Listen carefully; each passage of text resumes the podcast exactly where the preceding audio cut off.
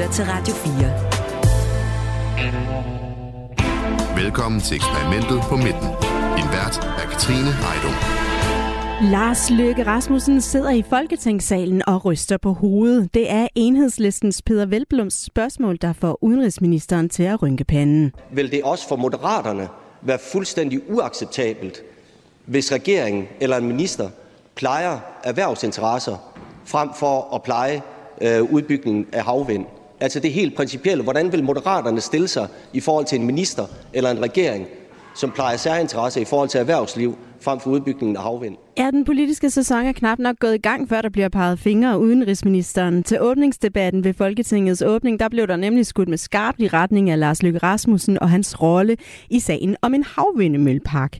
Få timer inden debatten i salen startede, der satte en historie fokus på, om udenrigsministeren har udnyttet sin post til at tilgodese en særlig investeringsfond, og derfor så brugte flere partier deres spørgetid på at stille spørgsmål til netop den historie. Det har vi mere om i dag, men vi skal også forbi konflikten i Israel og se nærmere på, hvad den egentlig betyder for det politiske landskab herhjemme. Det her det er eksperimentet på midten, programmet, hvor vi ser på, hvad der sker, når en rød plus en blå plus en lilla bliver blandet sammen. Får man en øh, flot palette eller bare en god gang smask. Jeg hedder Katrine Ejdum. Velkommen til. Du lytter til eksperimentet på midten på Radio 4. Og denne uges panel udgør som altid af tre personer, der tidligere har erfaring med at tage ansvar i et regeringsparti. Manu Seren, Manu Seren du har en øh, række af ministerposter på dit øh, CV fra tid som øh, radikal folketingsmedlem, blandt andet for børn, integration, ligestilling, nordisk samarbejde. Velkommen til. Tak. Nu er ministerhatten altså byttet ud med en øh, landsformandshat, hvor du sidder i toppen af ADHD-foreningen. Nu er et øh, nyt folketingsår så øh, skudt i gang her i sidste uge. Hvordan husker du sådan tilbage på de gange, hvor du har været med til sådan en folketingsåbning? Og jeg havde det virkelig, fordi at... Øh, nej, nej, øh, det var, det var super hyggeligt, men det, der sker, det er, at øh, når man står der i folketingssalen, så er der åbent, lige inden det hele bliver skudt i gang, og så har pressen også adgang. Og det er der, hvor øh, Ekstrabladet BT og alt muligt sådan, lige går hen og stikker en mikrofon i hovedet på en af dem, der står derinde, øh, hvor man ikke er forberedt eller noget som helst. Og især hos ministre, fordi normalt så plejer man altid at kunne holde en afstand. Ikke? Altså der, der er man bare jaget vildt, og så finder de altid på et eller andet helt vildt. Og jeg, altså, jeg så det også den her gang, jeg lægger altid mærke til det.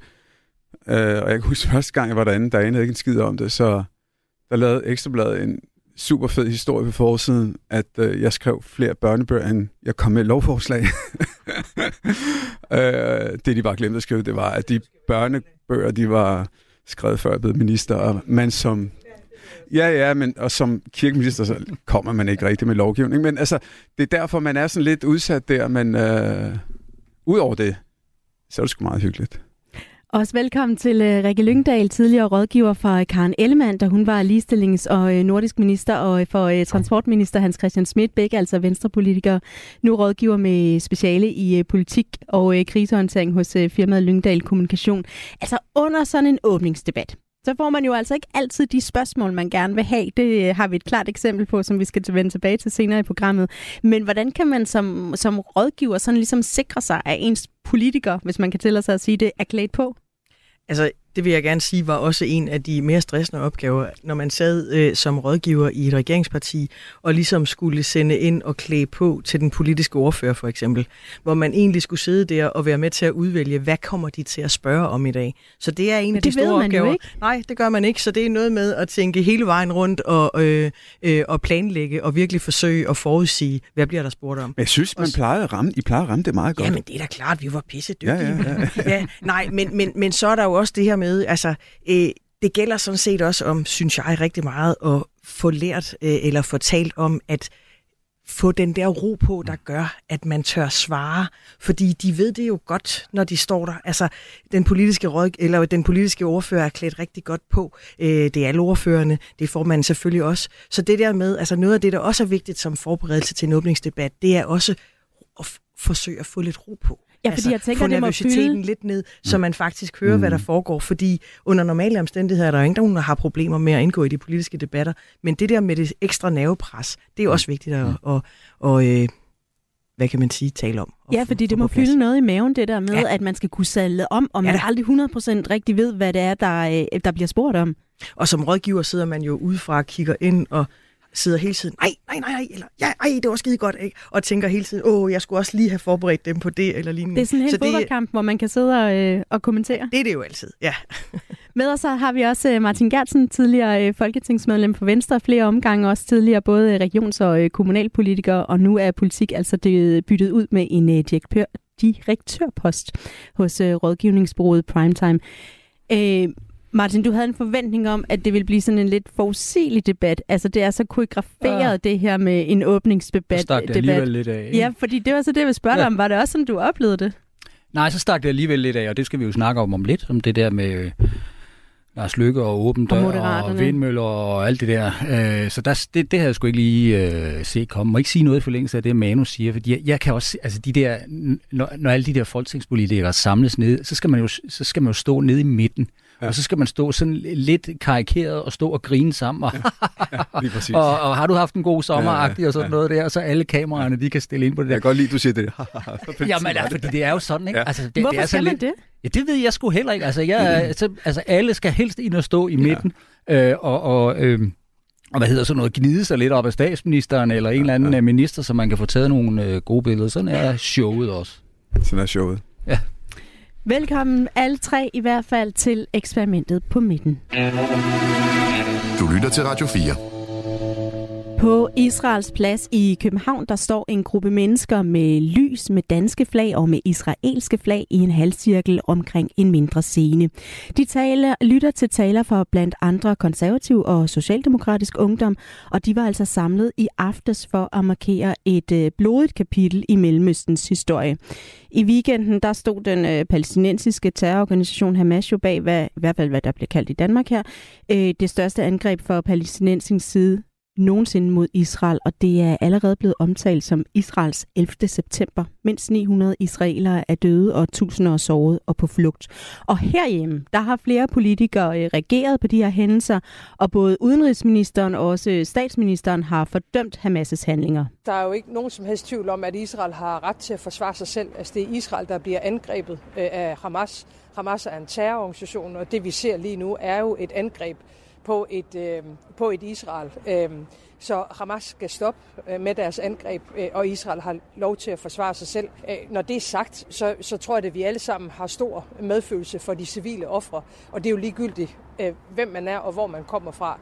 Manu Seren, hvad sker der internt i en regering, når der sker noget så voldsomt ude i verden? Jamen, jeg tror, man skal dele det op i... Øh der sker voldsomt ude i verden, og så hvad der sker nede i Mellemøsten, øh, især i, i det her tilfælde omkring øh, Israel også. Altså, der, øh, altså for det første, så på den ene side, så er, der, er det rigtig svært at gøre noget. Øh, det siger sig selv.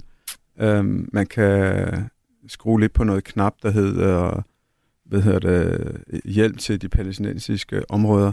Men, men det, der sker, og det sker per automatik hver gang, det er, at hver gang der sker noget dernede, og det her, det her det er jo fuldstændig vildt, synes jeg i øvrigt, altså det, jeg er virkelig chokeret over det. Og det er jo ikke kun Hamas, det er jo også øh, fra Libanon, ikke? Hezbollah og Iran er måske også bag og sådan noget. Det er virkelig voldsomt. Men der går jo en direkte øh, linje fra den konflikt til, lige pludselig så opstår der så små brænde og konflikter her i, i Danmark også, ikke? Altså I kan se det på de sociale medier, lige pludselig så begynder man at dele sig op, og, og retorikken den bliver bla bla bla, men, og det er sjovt at kigge efter det der men, øh, så kommer der lige pludselig noget med Palæstina plads, og så kommer der, øh, der bliver råbt efter en, øh, en rabiner på gaden, og, og så videre, og det, øh, altså, det er, jo, det er jo mega ulykkeligt, det hele, synes jeg, øh, men, men der er en direkte rød linje, så det er ikke, øh, fordi der er sådan et eller andet specielt øh, sådan beredskab, man går ind i og sådan noget, men selvfølgelig bliver det snakket om. Øh, vi, øh, vi har jo altid tid de der ministermøder der tirsdag morgen, og der kommer den slags jo op. Øh, altså, det tænker du, de også har talt om her til morgen? Jamen, det er jo helt klart også altså, voldsomheden i det, og hvor man skal stille sig også retorisk også. Øh, og jeg synes ikke, der er nogen, øh, altså, der er ikke nogen slinger i valsen. Altså, øh, og Mette Frederiksen er også meget sådan klar i spyttet også øh, omkring det, og øh, lagde også mærke til, at Lars Lykke var også sådan, øh, sådan lidt mere diplomatisk også omkring øh, på den ene side og den anden side med, med hjælp til de palæstinensiske områder og hvordan tingene hænger sammen. Men det er ulykkeligt på alle måder, det må jeg bare sige. Og, og statsministeren og udenrigsministeren er jo ikke det eneste, der har fordømt de her handlinger, både på, øh, på Facebook og især på X, der har det virkelig flyttet over med forskellige politiske mm. tilkendegivelser her i løbet af de sidste par dage. Primært om at stå, øh, stå bag øh, Israel. Rikke Lyngdal, hvad tænker du, sådan politikerne skal være særlig opmærksom på, når de hurtigt skal kommunikere et budskab ud i så svær en konflikt som det, det her? her det, det her det er rigtig, rigtig farligt. Fordi det der, altså, som du siger, Manu, det her det er en konflikt, som er alle konflikters moder. Ja. Det er den ene ting. Den anden ting er, at det, der sker indenrigs, som du også er op, inde på, Manu, med, de ting, der opstår, er jo det, der kan gøre, at det lige pludselig bliver til en ustabil situation, også hos os indenrigspolitisk.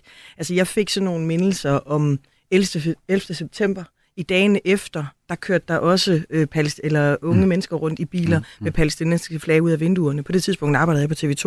Og jeg kan bare huske de debatter, der var der, altså, og den farlighed med balancen imellem et dem og os, og pas på, det ikke bliver alle muslimer, pas på, det ikke bliver i virkeligheden alle palæstinenser og alle jøder og alt det her. Det er så sprængfarligt. Mm. Og, og det er også derfor, at ikke for at præsentere store konspirationsteorier, men det er jo interessant, hvem det er, der har interesse i at op, støtte op om sådan en konflikt her. Fordi der sidder en anden warlord øh, her, øh, som fører krig mod os i Europa, som, som i hvert fald ikke er uinteresseret i, at vi bliver endnu mm. mere øh, øh, sårbare og, og kommer til at have interne diskussioner. For at antænde en helt muslimsk vrede og få lavet et dem og os det, det er i stor interesse for ham. Så det er super farligt. Så for at svare på det spørgsmål, vent heller. Hvis jeg, var, hvis jeg skulle rådgive om, hvad man skal kommentere på det her, så kan man kommentere på, at det er forfærdeligt med menneskeliv, der er tabt, og forfærdeligt, hvad man ser, og forfærdeligt med, forfærd, med, med, med de handlinger, der er. Men det er farligt at begynde at gå ind og, og skrive noget for og imod øh, her. Men når man står som politiker, og noget så stort sker i ja. verden, hvor meget føler man sig så presset til at være en af dem, der kommenterer hurtigt, Martin Gertsen? Jamen jeg tror, altså regeringen, der er ingen tvivl. Der skal man bare ja. ud øh, og få øh, sat skabet øh, rigtigt i forhold til, hvem man støtter og hvem man ikke støtter. Fordi det værste ville være, hvis sådan nogen som dig og dine kolleger begyndte at ringe regeringen op og sige, hvornår i verden kommer der en eller anden reaktion fra jer. Mm. Altså, og, og, så er der altså, simpelthen på forkant? Det synes jeg. Altså, og jeg, jeg synes, man entydigt, det er lidt ligesom efter 9-11, som Rikke var inde på før, at, at der bliver man nødt til at bekende kulør lige med sammen. Altså, øh, og der er ikke øh, i den der fase plads til finere fransk madlavning. Altså, øh, øh, altså der er man enten for eller imod, øh, og, og, og der bakker man fuldtonet op øh, om, øh, om, om Israel og om israelerne og deres øh, kamp mod det, der jo er defineret som, øh, som terror, og ingen tvivl om, at det øh, er det også. Så tror jeg faktisk en anden ting også, og det er, at der er jo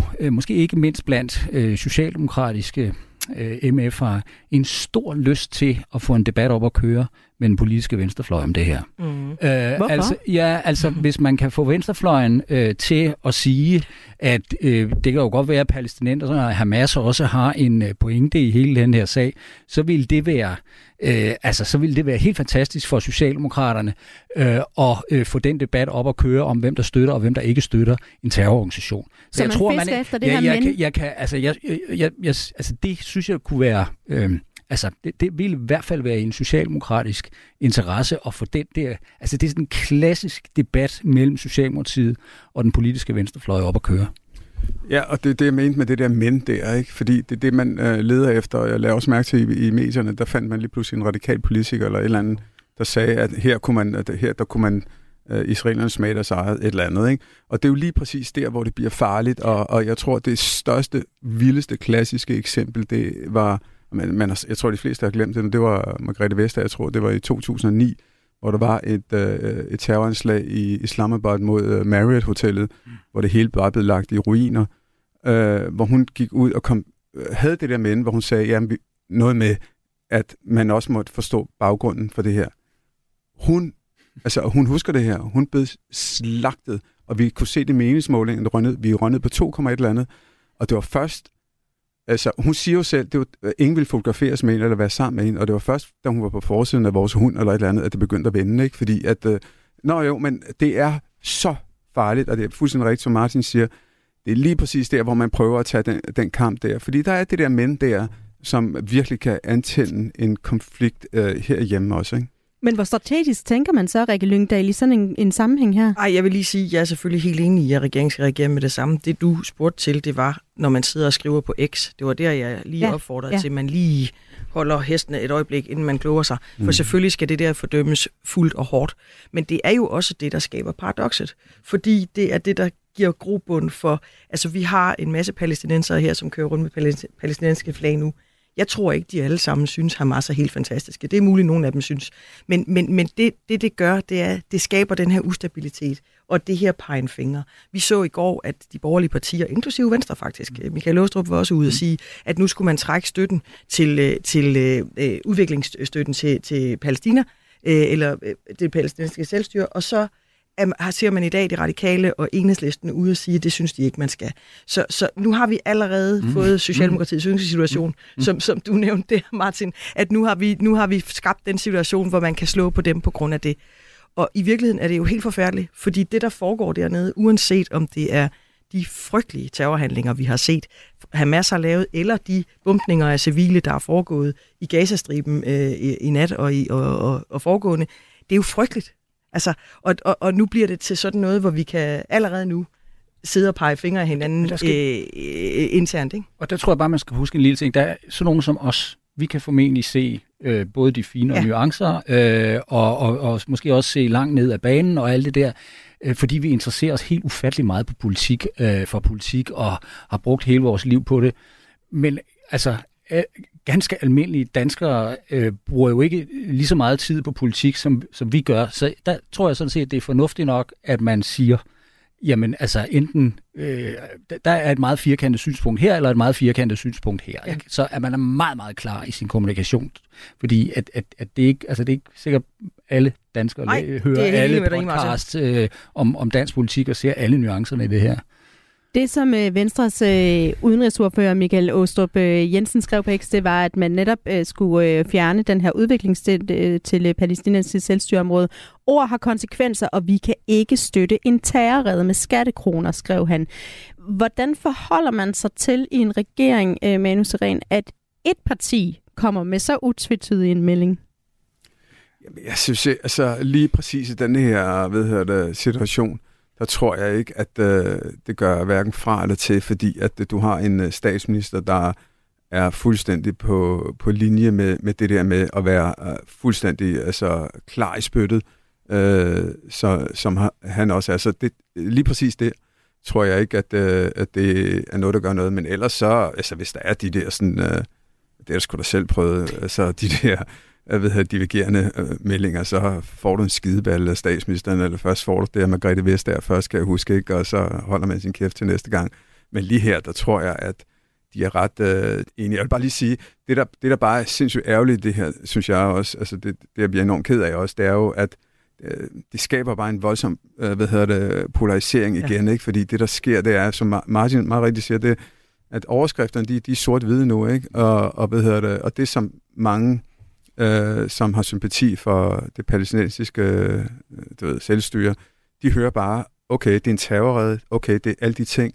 Og så er det, de reagerer modsat også, ikke? Og så er det, vi har den her skruen inde, og som, som Rikke meget rigtigt siger, så er du tilbage til, at det her, det er simpelthen moderen til alle konflikter, ikke? Altså, som bare skaber polarisering, polarisering, og så det, der bare er væk i alt det her også, øh, det er jo også, øh, hvor mange civile det egentlig går ud over os, ikke? Og det er sådan set for begge sider, er jo mennesker og mennesker for pokker, ikke? Socialdemokratiet har faktisk ikke vil tage stilling til det her spørgsmål endnu, i hvert fald ikke officielt. Jyllandsposten har prøvet at få en uh, kommentar til det, men det er ikke uh, lykkes den. Til gengæld så har de fået en kommentar fra uh, Moderaterne, mm. som siger, at de er ikke lige klar til at tage en beslutning om at fjerne udviklingsstøtten, og mener også sådan lidt til sådan en, lad os nu lige uh, se og få nogle, nogle flere uh, nuancer med. Martin Gertsen, tror du, vi kommer til at se en enig regering på det område? Ja, en enig regering. Ja. ja, det tror jeg bestemt. Mm. Jeg er enig i den der analyse, som Manu kommer med nu, altså at det sådan er lidt partierne kommer ud og sætter sådan deres ønskeposition, og så finder man sgu ud af det bagefter internt i regeringen om, hvordan er det så, vi lander den der. Altså, øh, det, det, det er ikke første øh, eller sidste gang, man har mm. set ordfører være ude og markere selvstændige synspunkter på vegne af et enkelt parti i en, i en samlingsregering. Øhm, og, og det kan godt være, at det ender et helt andet sted, end der Michael Åstrup har, om jeg så må sige, sat hegnspælene. Det er jo ikke til at sige nu. Lykke var ude til morgen faktisk øh, og kommentere på det. Så, så det første lille nakkedrag har Åstrup fået for rullende kamera af lykke, ikke?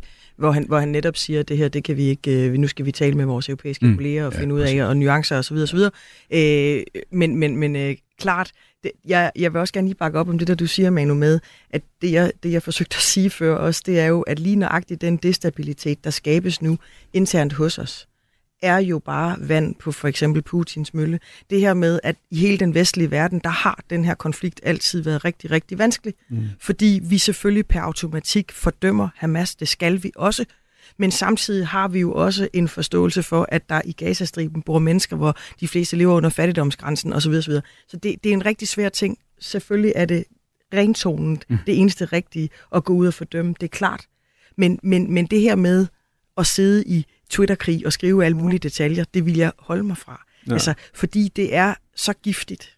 Og, og som sagt, de der mindelser til 11. september, hvor vi i lang tid bagefter, i årvis bagefter, havde et kæmpe problem med, øh, jeg har stadigvæk, øh, med et demmer også, der, ja. blev, der blev virkelig... Du, øh, du kan bare se Erik Bjerre, øh, tidligere chefredaktør for Kristelig Dagblad, der og da Breivik gik ud og slog alle de der ihjel, han var lynhurtig på tasterne og sige, det, det her det er konsekvensen af indvandring, et eller andet muslimsk terror og sådan noget, ikke? Bare, man kan det her, også, det her altså, kan jo sagtens blive en genkomst. Altså ja. den udlændingedebat, som har været sådan som der har været lagt mere låg på tror, og blevet mere roligt, det, det, det kan komme det, for fuld skrue igen det, nu, så det giver mig. plads til nogle andre fløje ja, igen. Det er lige ikke? Fordi... præcis det, der bekymrer mig. Ja, fordi kan håndtering af den her konflikt fra, altså hvis vi holder os til vores egen lille andedam, kan det komme til at betyde noget for regeringen på sådan den længere bane, eller handler det meget nu og her om, om de reaktioner, der kommer nu, Rikke Lyngdal? Jeg tror ikke, altså jeg tror sådan set ikke, for jeg er meget enig i det, Martin også siger med, jeg tror ikke, at det bliver et problem at blive enige om en håndtering. Det tror jeg sådan set ikke. Så, så som du også mm. siger, det her med folk, der har øh, nørder politik og er meget inde mm. i, i, i, i maskinrummet, der, der bliver ikke store uenigheder om, hvad det er, vi mener og skal gøre. Øh, det, det tror jeg sådan set ikke. Men det, der kan blive udfordringen, det er de grupper, vi har i vores samfund, som nu kan blive ligestillet med Hamas, jo, for det er jo det, som dem, der gerne vil kritisere det, gør. Altså, og den polarisering, der kan blive imellem at være en ganske almindelig muslim, som måske nok kunne have nogle sympat, øh, sympatier for, at der engang fandtes et land, der hed Palæstina, uden at man behøver at være en Hamas-kriger, og så dem, der står på den anden side. Mm. Altså, fordi det er jo helt evident forfærdeligt, hvad der er foregået, og selvfølgelig har Israel lov at forsvare sig. Men, men, men det, det kan skabe herhjemme og i alle andre lande, det, det er det, der, der bliver jeg vil ikke engang bruge ordet spændende, for jeg, jeg vil hellere bruge ordet uhyggeligt, ja. og se, hvad det nu kan skabe. Og det er allerede i gang. Altså, ja, jeg... en kæmpe bølge igen, ja. ikke også? Hvordan ser jamen, du det allerede altså, være i gang jamen, med, det er allerede i gang forstået på den måde. Altså, det sjove er, at øh, muslimer ser jo også fjernsyn, ikke? og læser også øh, mærkelige aviser og alt muligt andet. Og, og, og det, der foregår øh, i de hjem, det er, hvorfor er retorikken kun øh, at vi skal høre på øh, sympati omkring mm. Israel. Så det er sådan, hvad, hvad, der, hvad, der bliver, hvad der bliver lyttet til, eller de der klaphatte, der smed øh, blomster væk fra mm. den israelske ambassade, så er retorikken lige pludselig sådan, hvad laver de her? De skal skrubbe ud. Men det, der sker, det er, at når man er udlænding, så adopterer du det, det der, og så, og så skaber du den der dem og os. Og det er jo det, altså det sjove er jo, at, øh, at i lang tid har hele det her udlændingsspørgsmål og alle de der ting der, de der småbål, de har jo været slukket, og det har virkelig været en befrielse, især hvis man er udlænding. Ikke? Men så kommer angsten nu. Okay, hvad sker der nu? Altså, og ja, ja, om det bliver spændende eller foruroligende, det må vi jo se. Det er på mange måder befrielsens øjeblik. Ja, lad os lige ryste skuldrene lidt. Måske trænger vi lige til at kigge på noget lidt mere optimistisk, altså befrielsens øjeblik. Jeg har bedt jer om at kigge godt efter og pege på noget, der i løbet af den sidste uge sådan har fået øh, regeringsprojektet på midten til at gå op i en øh, højere enhed.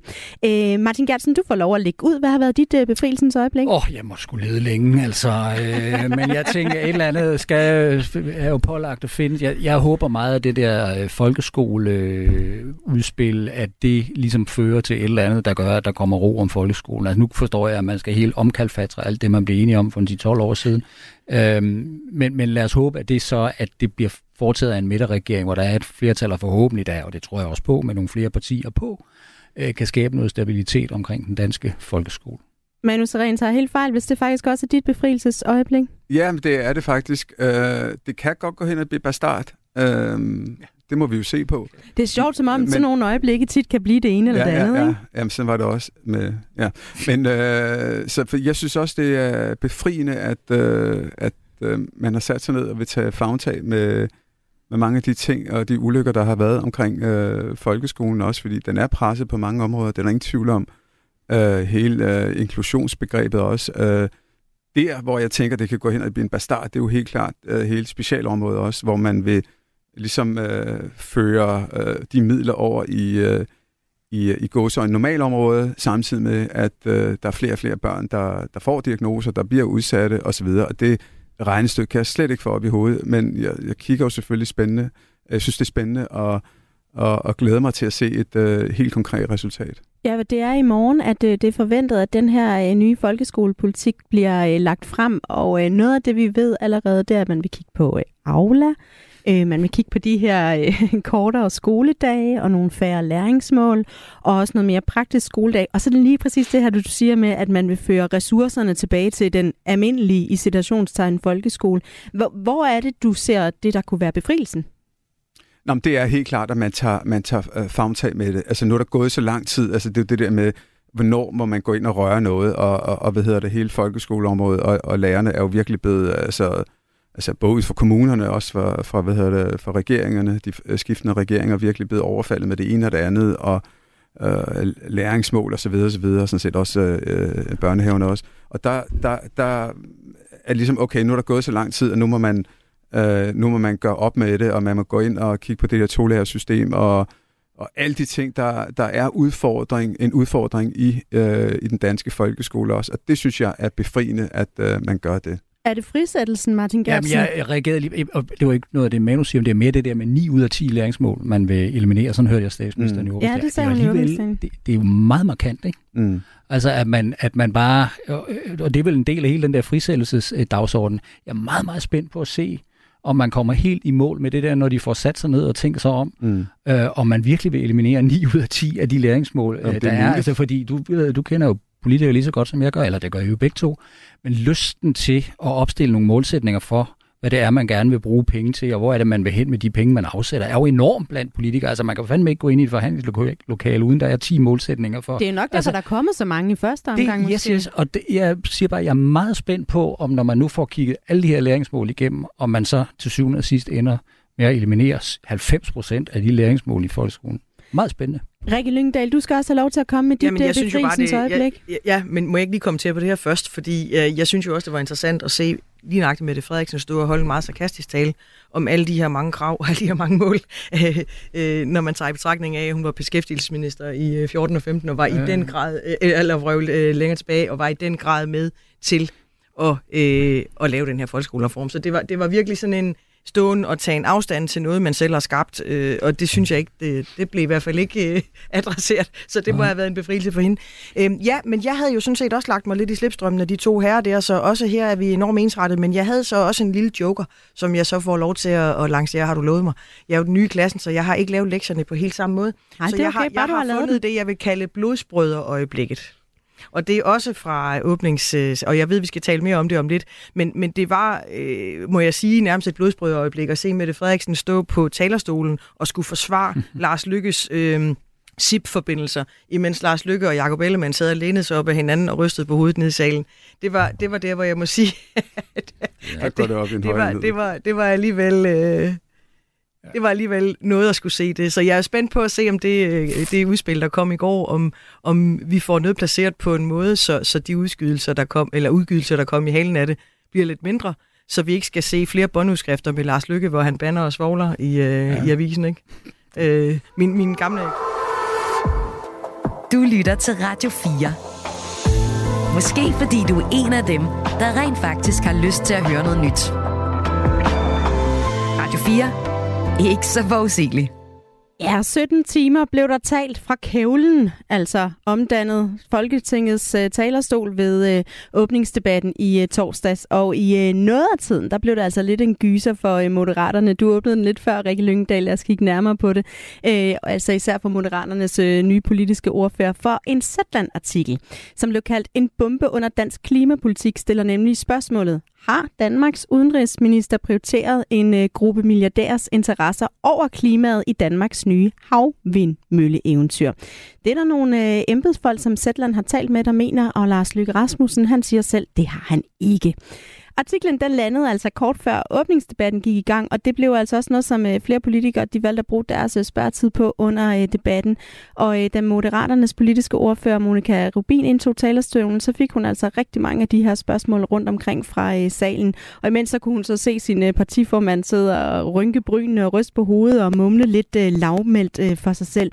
Lad os lige høre øh, Dansk Folkepartis formand Morten Messerschmidt. Vil, øh, vil fru Rubin så få en led at vi øh, er i offentligheden kan få en eller afkræftelse på, om der er givet valgbedrag mellem CIP og Moderaterne? Jeg går ud fra, at hun har kontakt til nogen i landsorganisationen, som ligger inde med den slags øh, viden. Altså, jeg, jeg er virkelig ked Jeg synes simpelthen, det er en absurd diskussion, vi har bevæget os ud på. Jeg har stået og talt om, hvordan det sejler i ældreplejen, hvorfor der er behov for en ny ældrelov. Dansk Folkeparti plejer at bryste sig af, at man kæmper for de ældre, og så vælger ordføreren at bruge sit spørgsmål på det her. Det forstår jeg simpelthen ikke.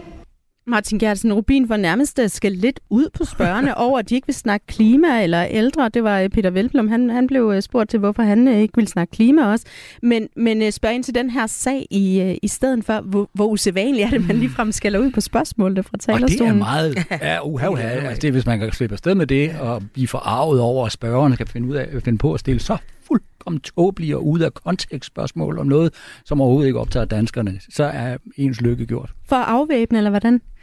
Ja, øh, for at afvæbne, og så tror jeg egentlig, altså som vi var inde på indledningsvis, jeg tror også, det virkede ikke, jeg synes, hun gør det udmærket. Altså, jeg har hørt, der er mange, der skældt ud og synes, hun var helt utrolig dårlig. Det synes jeg ikke. Altså, jeg tror, øh, jeg, jeg synes, hun klarede det der meget godt. Og, og, men jeg synes også, man kan høre, at måske ikke lige var det, man havde, hun havde øvet sig mest på. Den kommer også om morgenen, ikke? Jo, jo. Jeg, jeg, jeg, jeg, jeg, lidt som tyv om, om, om natten, at man skulle bruge Folketingets åbningsdebat på det.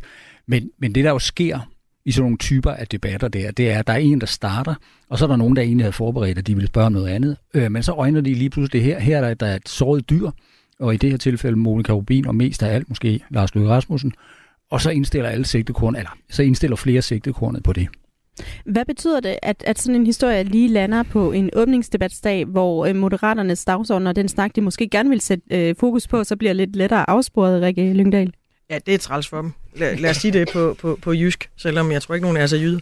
Øh, altså, det, det, det betyder rigtig meget, og det er selvfølgelig heller ikke tilfældigt, at Zetland har gemt den til den dejlige morgen her. Øh, og det kan også godt være, at der er et par af de politikere, der har fået den ind i deres indbakke dagen inden.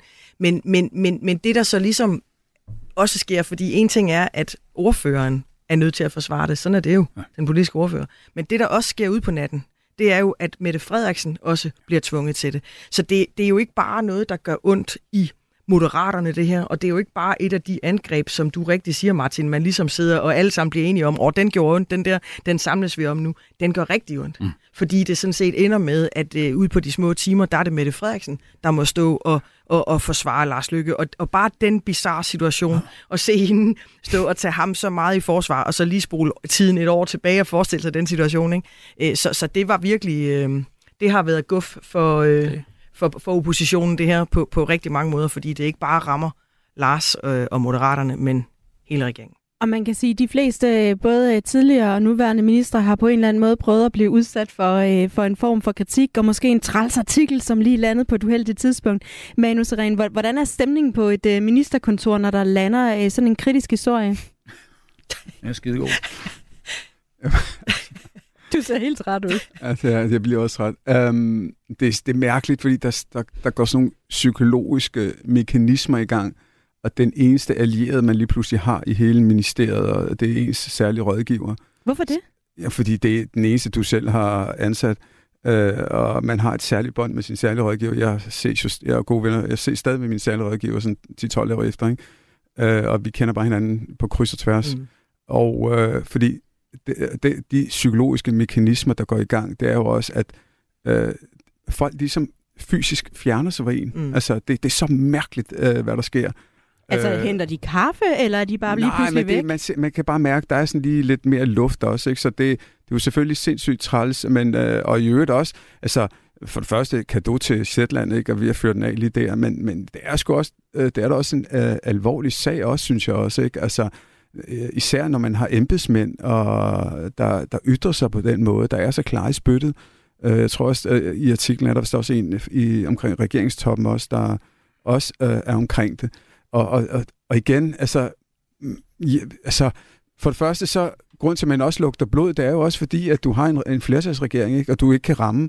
Okay, så kommer der endelig en lille øh, blodstråbe, så, så samler man om den. Men, men, men der, hvor jeg bare virkelig bliver forundret, ikke? Altså, det er jo det er jo ikke til at vide, hvad der er op og ned. Jeg synes, det, er, jeg synes, det er en mystisk sag. Jeg synes, hele den der åben dør-ordning minder om sådan et eller andet, man har læst i Lucky Luke eller sådan noget. Ikke? Men, men, øh, men, men jeg forstår bare ikke, at, at Lars Løkke ikke for, øh, lærer af, at altså, det er jo alt fra Crazy Daisy til smøger, til hoteller, til øh, øh, hvad hedder det, Lykkefonden og til kvotekonger og øh, øh alt muligt. Og taxaer for 240.000, kan jeg huske, eller sådan et eller andet. Ikke? og, og 3G-sagen, ikke? og så øh, igen, hvor han ikke, hvorfor han ikke holder en, en armslængde til den slags. Han er jo virkelig indblandet. Altså, jeg har, jeg, altså, nu har jeg selv været minister, det der med at gå ind og være så indblandet på et andet ressortområde, det er så no-go. Altså, det er så no-go, da du sagde det der med Mette Frederiksen og folkeskolereformen. Så øhm, der tænker jeg faktisk, ja, men den har sgu bare ligget over Christine Antorini, og de, man kører virkelig sit eget ressortområde hårdt, ikke? Så, så det, at det her er sket, synes jeg bare er fandme vildt. Det må jeg indrømme.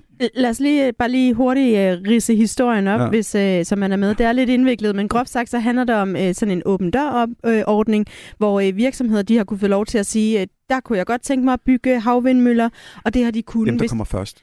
Ja, og det har de kunne få lov til, hvis, uh, hvis man ikke har skulle have statsstøtte til det.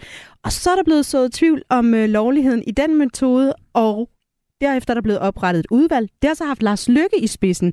Og så er det altså så, at flere embedsmænd ifølge Zetland har fået indtryk af, at uh, SIP eller Copenhagen Infrastructure Partners, som det også hedder, og deres fem søgte projekter, de skulle bare sikres. Det skulle mm. køres igennem. Lykke han afviser jo selv, at der skulle være givet særbehandling i, uh, i den her sag. Øhm, og alligevel så bliver det jo så et emne, men Martin Gertsen, det er vel også rimelig forventeligt, at man som oppositionsparti siger hapse, ja, hapse, hapse. det vil jeg sgu. Jeg har også kørt alle mulige sager øh, på den Altså, det kan jeg godt huske, Martin. Jeg er helt tilbage i manustid. Det er min erindring helt fået udraderet. Jeg kan, men jeg kan huske lidt tættere på, øh, altså alle mulige øh, indkøb under øh, coronakrisen, som, hvor man havde indkøbt altså helt eksorbitante beløb af nåle og vacciner og alt muligt til alt for høje priser. Sådan. Ja, det har jeg kørt masser af i den slags historie. Øhm, i virkeligheden, altså så kan man sige, at, at, at, at det, det kan jo også være, at Lars Løkke i virkeligheden har en pointe. Mm-hmm. Altså, ja. øh, det kan jo også være, at det bare er sådan, at man i virkeligheden øh, fra regeringens side og fra regeringstoppens side og fra Lars Løkke Rasmussens side har sagt, det er skide ærgerligt, at vi ikke kan få den der åben dør til at fungere. Det kommer til at tage alt for lang tid med traditionelle udbudsrunder, så derfor skal vi bare mase noget igennem, og det skal gå stærkt, for vi skal have nogle vindmøller op. Det kan jo bare være, at det er sådan, det mm. er.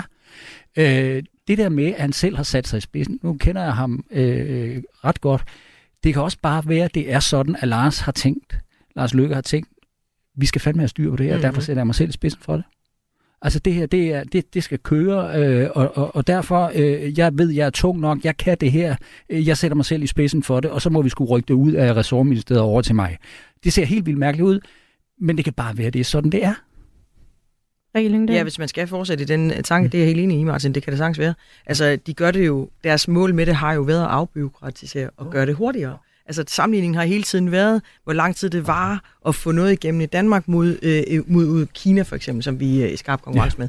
Så, det, så de gode intentioner kan sagtens ligge bag. Og, og, og det der så, altså, der hvor man kan sige, når du siger øh, Lars' øh, Lars Lykkes reaktion, øh, altså, den voldsomhed, han så reagerer med, og, og de båndudskrifter, vi ser, hvor han banner og svogler, jeg tror, det var det, jeg lige fik sagt, da jinglen startede. Altså, som min gamle farfar engang sagde, man skal aldrig nogensinde skændes med journalisterne i deres egne spalter. Og, og, og det er jo det, han så har gjort af flere omgange. Men det viser jo også noget om, når man nu kender ham lidt, så at, at det, det er jo også virkelig fordi, at han ja. står på det der. Fordi øh, han kan sådan set godt være strategisk i medierne, men, men, men, men det er Så er det, han ikke skal bringe sig selv i den jo, men situation. Det er vi helt enige om. Det er om. Det, det, det, det, der er, med, det, med, med det CV, han har. Ikke? Mm-hmm. Altså, han skal jo ikke sidde og æde kaviar med de, de samme mennesker. Jamen, det, det er jo, altså, og det er det, jeg mener, at han skal ikke bringe sig selv i den situation. Men der kan jo være to grunde til, at han bliver så sur i pressen. Ikke? Den ene, det kan være, at han er fanget med ja. fingrene nede i kleine, ja. kassen, dåsen. Øh, med, eller også kan det være, han føler sig uretfærdigt ja, behandlet. Præcis. Mm. Altså, øh, så der er mange grunde til, at man kan være skide sur på pressen. Altså, altså han banner og svogler, og nu citerer jeg, jeg er fucking ligeglad med, om det er SIP eller Ørsted eller en tredje part. Det handler om at få noget op at stå. Nu ved jeg ikke med jer, men hjemme med mig, der har vi en banekasse, og den vil blive udløst af det der, vil jeg sige. Og det er jo altså en minister i et interview med et medie. Mm. Martin Gertz, med dit kendskab til lykke, er det fordi, han er presset? Øh, ja, jeg, som jeg sagde før, jeg tror enten kan det jo være, fordi at, at han, der virkelig er et eller andet at komme efter, eller også så kan det være, altså, at han føler sig urimeligt behandlet. Og jeg har virkelig oplevet Lars Løkke Rasmussen mange gange i mit politiske liv, liv føle sig helt utrolig dårligt behandlet. Øh, og nogle gange har det været rimeligt, og nogle gange har det været mindre rimeligt, at han har følt sig uretfærdigt behandlet. Men det er meget øh, naturligt øh, reaktions... Ja. ja. Jeg synes, det er meget Lars Lykkes, det her. Ja, ja. Men hvad siger du om samarbejdet mellem øh, øh, Lykke og embedsværket, at den her historie kan komme øh, frem, Rikke Lyngedal? Jamen altså, jeg tror, det du sagde før med, øh, at der er to embedsmænd, der bliver citeret, øh, det er selvfølgelig det, der også gør den historie for Sætland meget, meget stærk. Altså, og det, det er ikke sådan noget, vi ser så ofte. Men, men, men altså, jeg, jeg vil også sige, vi, vi, vi mangler lige at se, hvad der er op og ned ja. i den sag her, før vi for alvor kan, kan, kan bedømme noget, fordi det er også let købt netop på grund af hele den portefølje, mm. du listede op, Manu, mm. og, og, og, og køre videre på det her. Det er det altså. Og, og han har jo, altså når han går ind og prøver at sige, det han diskuterer, og det han tager op, og det gør han jo ofte, det er det her med, at politikere også skal have lov til at have deres private relationer og lave de ting, alle mulige andre laver. Ikke? Altså om det er låne fiskernes sommerhus op i Skagen, eller hvad det er. Privat, altså, Lars? Nå jo, men, men, men altså, man kunne måske godt... Øh, en gang imellem tænke, at den debat også kunne være interessant at få taget med et andet udgangspunkt end, end, øh, end et meget farvet. Ikke? Så, så øh, jeg, jeg er spændt på at se, hvad der er op og ned, for jeg, jeg kunne forestille mig, at... Øh, det, at Lars er vred, fordi ja, han... det er jo ikke fordi, det kan godt være, at der er alt muligt, der er galt i den her sag, men, men jeg synes bare, der, der mangler en lille smule balance i ja. den offentlige diskussion øh, om det her. Tænk sig, hvis nu, nu er sådan, der er to øh, embedsmænd over i Energistyrelsen, der er skidesure ja. over, at hele den her sag er blevet hævet ud af hænderne på dem og lagt over i Udenrigsministeriet. Det kan også være, at det er sådan, det hænger sammen.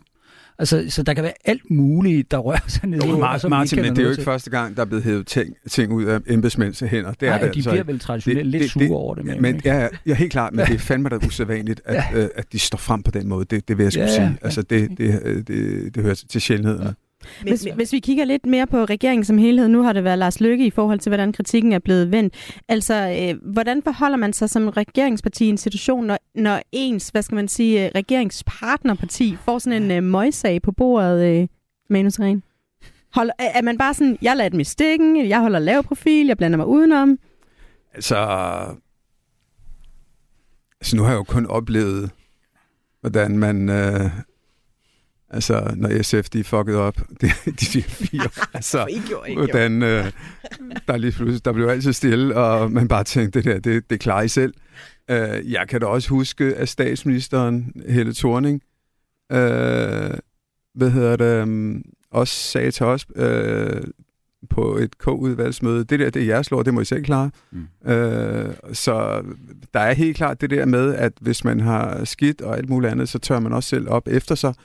Øh, fordi, at, at, og det der er ved det, det er, at man, man er et hold jo, det er jo hele holdet, der bliver ramt også. Øh, det er også derfor, det gør ekstra ondt, ikke? Altså, øh, når man øh, øh, kommer ud i den slags øh, ting også. Jeg tror, at der er mange i Venstre, som sidder og græder lidt halvtørre tårer over det her, og ikke har glemt, at Lars Løkke Rasmussen forlod et parti i ruiner, øh, og tænker, at det var fandme det også i orden, at han øh, får lidt øh, problemer. Sådan jeg, jeg ved ikke, om det er sådan, men så, det, kunne, det jeg tror godt, jeg, du har så ret kunne i. jeg godt forestille mig, at der var nogen, der eventuelt kunne ja. tænke. Du nikker også, Ja, det er helt enig i. Men, men, men måske ikke lige dem, der er medlemmer af regeringen, hvor, hvor, hvor, det, her, hvor det her med at kitte sammen er vigtigere end nogensinde, fordi øh, de skal simpelthen bare støtte, støtte op om hinanden. Og det er også derfor, mm. vi ser øh, situationer og kommer til at se endnu flere, hvor de skal slå knuder på sig mm. selv og sige ting, man aldrig kunne have forestillet sig at høre dem sige, fordi det er så vigtigt at holde sammen på det her, som I selv kalder eksperimentet, ikke? Øh, rød og blå og lilla af familien Fab, eller hvad pokker det er, farver og striber, ikke? Altså, at, at, at det, det, vil, det, vil, det vil blive ved. Og, og forskellen her, for jeg er enig med, hvad du siger, Manu, at normalt så plejer man jo at sige, det må I selv rode ud. Mm, Men mm. fordi det er Lars Lykke, og fordi det er, er bragt op, hvor det er, så er det ikke længere her, hvor man bare kan sige, den må Moderaterne og Lars selv Hvorfor? ikke. Det, det, det kan slet ikke lade sig gøre. Jamen fordi han er så central en figur, og som du siger, Martin, der ligger en, øh, lad os sige, meget slidt kærlighed fra, fra, fra gamle venstrefolk til ham. Øhm, og, og, og alene det, det sætter det på spidsen, men også fordi han er den tungeste fra moderaterne i regeringen, og jo... Den øh, tungeste i regeringen efter ja, Mette, jo. Ja, altså, ja, eller i det hele taget. Han er i hvert fald øh, skarp og dygtig, ikke også? Og dygtig til at, at køre sit eget. Så, så, så derfor bliver det også øh, hele regeringens problem, fordi han tager det over til sig. Som du siger, Martin, han har hentet noget over til sig, mm. som i virkeligheden ikke ligger under ham. Og, og det gør det jo også endnu vildere. Det har de blevet enige om i regeringstoppen. Det her det er jo ikke noget, Lars bare har siddet og fundet ud af. Det er de naturligvis helt enige om. Så, så ressortminister, de kan tit sidde og rode med deres egne problemer, men ikke lige den her. Men der skal også meget til at såre Lars Lykke. Ja. Altså fordi han, han har jo opbygget igennem mange, mange år, øh, lige så vel som han har mange sager, så har han også bygget, opbygget et kæmpe panser. Må jeg fortælle en lille anekdote? Øh, Fyr den af. Fyr den af. I for mange år siden, der var jeg opstillet til borgermentationen her i København, og sad i borgermentationen, og i 2005, der øh, førte Søren Pind og jeg valgkamp mod Rit Bjergård. Og vi to unge mennesker, forholdsvis unge mennesker, vi tænkte jo, vi skal bare have gravet nogle af de gamle sager frem øh, om, øh, om, hvad hedder det, om Rit Bjergård, så skal I se, så skal det nok gå alt sammen. Og Rit, hun svarede hver eneste gang, vi kom med et nyt angreb, det er jo velbeskrevet sager. Det har jo været fremme i pressen. Jeg forstår ikke, at I bliver ved med at snakke om det der. Det er, der er jo kendskab til det, øh, de sager, og det, alt prallet af på hende. Og sådan har jeg det også lidt med Lars Lykke. Altså, man kan godt hive alle mulige gamle ja, ja, sager frem og sige, Nå, det her det stiller sig bare på toppen af alle mulige andre ja, om Lars Lykke. Han er way beyond ja. alt det der. Altså, øh, der har han et helt, helt, ja, helt sådan et ritsk panser ja. øh, omkring sit politiske det er virke. Det der. Så man skal virkelig herfra have en mm. rygende pistol frem her, før at det gør ondt på mm. Lars Løkke Rasmussen. Og Rit Bjergård endte jo med at blive overborgmester. Lige nøjagtigt, det gjorde vi fandme ikke. I hvert fald. Nej, det kan jeg godt huske. men men ikke, ikke bare det der med gamle sager. Han er jo også second to none til at skifte hest i vadestedet det, og forklare det, ja, ja. så en hver må tro, ja, ja. at det har han ment fra begyndelsen. Ja, ja, ja. Altså, det, det, det, er, det er ret fascinerende. Altså, men, men belaster det her midterregeringens samarbejde, Manu Seren? Så hvad, hvad, hvad mener du? Altså belaster den her sag, der kører lige nu, om øh, selve sådan, hvad skal man sige, regeringssamarbejdet? Jamen prøv at høre, jeg, grund, grund til at jeg tog alle de der sager op, det er simpelthen fordi, der, og det skulle jeg også have sagt, der er Lars Løkke, og så er der alle andre i, på hele kloden. Øh, og, og der er ingen politiker på, øh, altså på den her jord, der vil uh, kunne klare alle de sager, som, som han har. Altså, det er der bare ikke. Han gør det bare. Så nej, det kommer ikke til at betyde noget som helst. Og han er også flinterne ligeglad. Og han er flertal og alt muligt andet. Øh, og, og, og det, det der er virkelig øh, i det her. Ja, det eneste, jeg bare siger, det er, jeg undrer mig bare over, at han bringer sig selv i den situation, hvor han kan få klask. Og så er øh, Lars Lykke jo altså øh, indkaldt, eller i hvert fald hed, i øh, samråd af flere af oppositionspartierne. Det er jo en bastardregering. Ja, bastardregeringen. Vi er kommet til ugens bastard, hvor er det ikke faldet så heldigt ud for regeringen i den her uge. Det kan være, at vi måske allerede har været lidt om ind omkring det. Manu, du får lov at begynde. Jamen, det for mig, der er det, det jeg, jeg tror, jeg sagde den for to måneder siden, eller sådan noget, det er, og den holder jeg fast ved øh, fordi jeg synes, det er noget af det værste, øh, og det er Koranloven. Øh, jeg har argumenteret for den tidligere.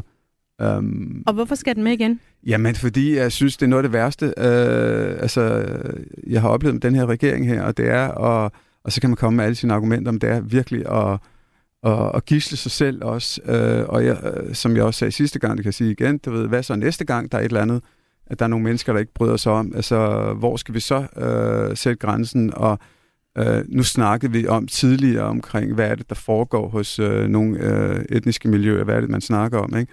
Jeg kan love dig for, at man også snakker om, at det her, det er man en kæmpe sejr, ikke? Uh, og, og så videre, og så videre. Så derfor, så er det her en uh, virkelig, virkelig en bastard. Og er det noget, selvom det måske ikke lige er præsent lige nu og her, er det noget, du føler stadigvæk farver regeringen?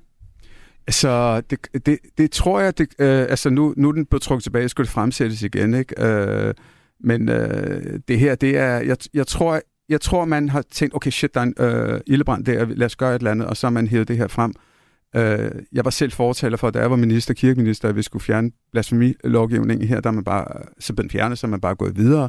Øh, øh, og jeg synes, det er meget mærkeligt, øh, at man har man sådan hovedkuls af noget herhen, og, og, og jeg tror, øh, meget af det har været øh, altså præget af, at det skulle gå øh, hurtigt, og det sjove er, det er jo ikke, det er jo ikke altså nu, nu snakker vi om, øh, hvem er det, der er de tunge her, ikke? Altså Mette og, og Lars, ikke? Det her, det er jo ikke noget, det er jo ikke en del af deres DNA. Altså, øh, de er, de, de er kommet derhen, og så har de taget den her beslutning, og, og jeg synes, det, altså, jeg synes virkelig, det er problematisk, og ja, det kommer til at, at præge øh, regeringen fremover, fordi jeg kan med at se i mange miljøer også, hvordan man bare ryster på hovedet af det her. Mm. Rikke Lyngdal, dit øh, ugens bastard? Ja, der har jeg igen været lidt ulydig jo, og, og, og lavet det til sådan lidt mere en, øh, tror jeg, bliver den Du ved den godt, vedvarende... Mette siger, at man skal have respekt for lægerne. Ja, ja, det er rigtigt nok. Øh, men, men den vedvarende bastard, vil jeg kalde det, og det er det skisme, der er imellem det, vi kan kalde Christiansborg, Venstre og S, Socialdemokratiet, og kommunal Venstre og Socialdemokratiet, fordi de har en stor udfordring med deres bagland. Øhm, der er, er det skattelettelser og velfærd, du øh, tænker på her? Det, det, det, er, det er stort set øh, hele paletten, vil jeg sige. Altså for eksempel så står kommunerne og råber, og det er uanset om det er røde eller blå borgmester, de mangler penge.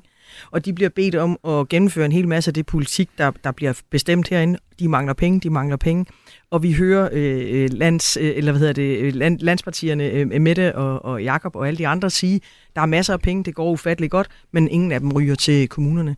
Der er mange frustrerede borgmestre derude, både, både socialdemokratiske og venstreborgmestre, øhm, og det bliver rigtig spændende at se, hvornår det begynder at, at blive et stort problem. Øhm, Hvad kan det komme til at betyde, tror jamen, jamen, det kan komme til at betyde, at vi vil få kritiske røster, der, der, der øh, udtaler sig kritisk om noget af det, regeringen beslutter. Det er allerede øh, nogle af stederne, ikke, hvor man kan se borgmester, der er ude at sige noget. Øh, der er både en CO2-afgift, der lige har været mm. nogen ude omkring på. Der er alt muligt andet. Men det der, men det der også, altså da Jakob, gik, da Jacob Ellemann gik ud for, for nogle uger siden, og ligesom sagde, at Blå Blok var død, der, der gjorde han også livet for venstreborgmester og muligt endnu vanskeligere, fordi når de nu skal mm. Øh, konstituere sig om ikke så lang tid, der er ja, et par år til, så hvem, hvem skal de så vende, vende sig imod at sige, vi skal blive ved med at være borgmester?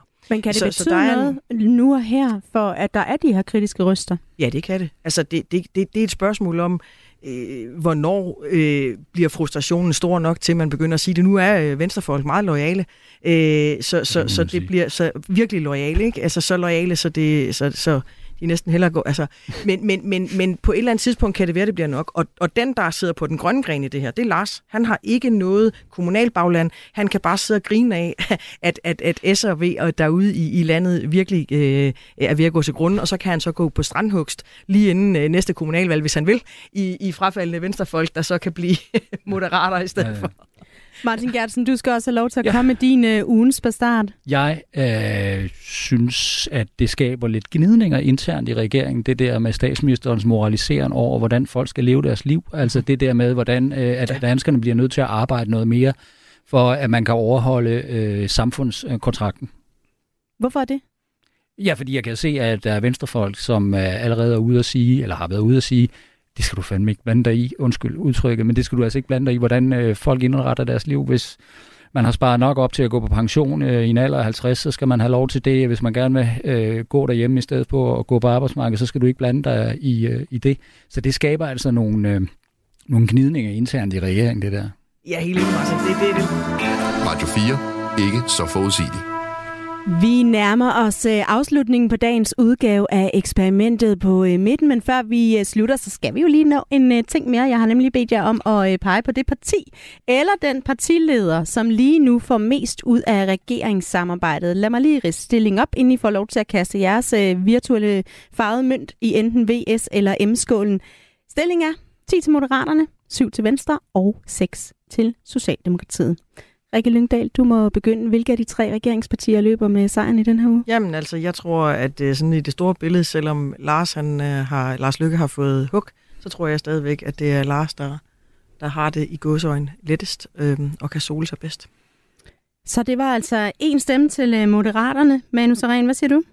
Jamen, jeg har også stort set kun givet til Moderaterne, men øh, jeg tror, at... Øh jeg vil give til Venstre denne her gang, men det er simpelthen, fordi de er så tavse, at uh, der ikke bliver lagt mærke til uh, nogen. Og, nå, jamen, sådan er det jo nogle gange. Så, så, Flyve under radaren stemmen. Hvad? Flyve ja, under ja, radaren SF gør det også. Ikke? Øh, det er vildt mærkeligt, at uh, konservativ ikke kan høste af det, synes jeg, men det er så en anden sag. Så Venstre får den den her gang. Og Martin Gertsen, hvor... Jeg bruger også udlæggelsesmetoden. Jeg synes egentlig også, at den skal tilfalde Venstre, fordi der, der er der færre problemer lige nu, øh, hører jeg. Og i, i gamle dage, Manu, der var det sådan, at... Øh, øh, Venstres rådgiver, de gik rundt på gangene, og så, fordi der lå Venstre på 35 procent, så sagde de til Søren Pind og mig og Peter Christensen og andre, prøv at høre, I behøver heller ikke at mene noget i den her uge. Ja. Øh, og det var sådan ud fra devisen, så længe vi ikke mener noget, så går det skide godt. Ja. Ja, det, ja. det, det er meningsbundet. Det måske lige knap til det, lige nu i Venstre. og så kommer der noget landbrugssnak på et eller andet tidspunkt, så kan det være, at stillingen kommer til at se lidt øh, anderledes ud. Det tror jeg, nu kan du bonde det her. Ikke? Det tror jeg faktisk nok skal komme til at gå. Jeg tror, vi kommer til at se et fuldstændig vanvittigt forgyldt landbrug efter de her øh, aftaler om CO2.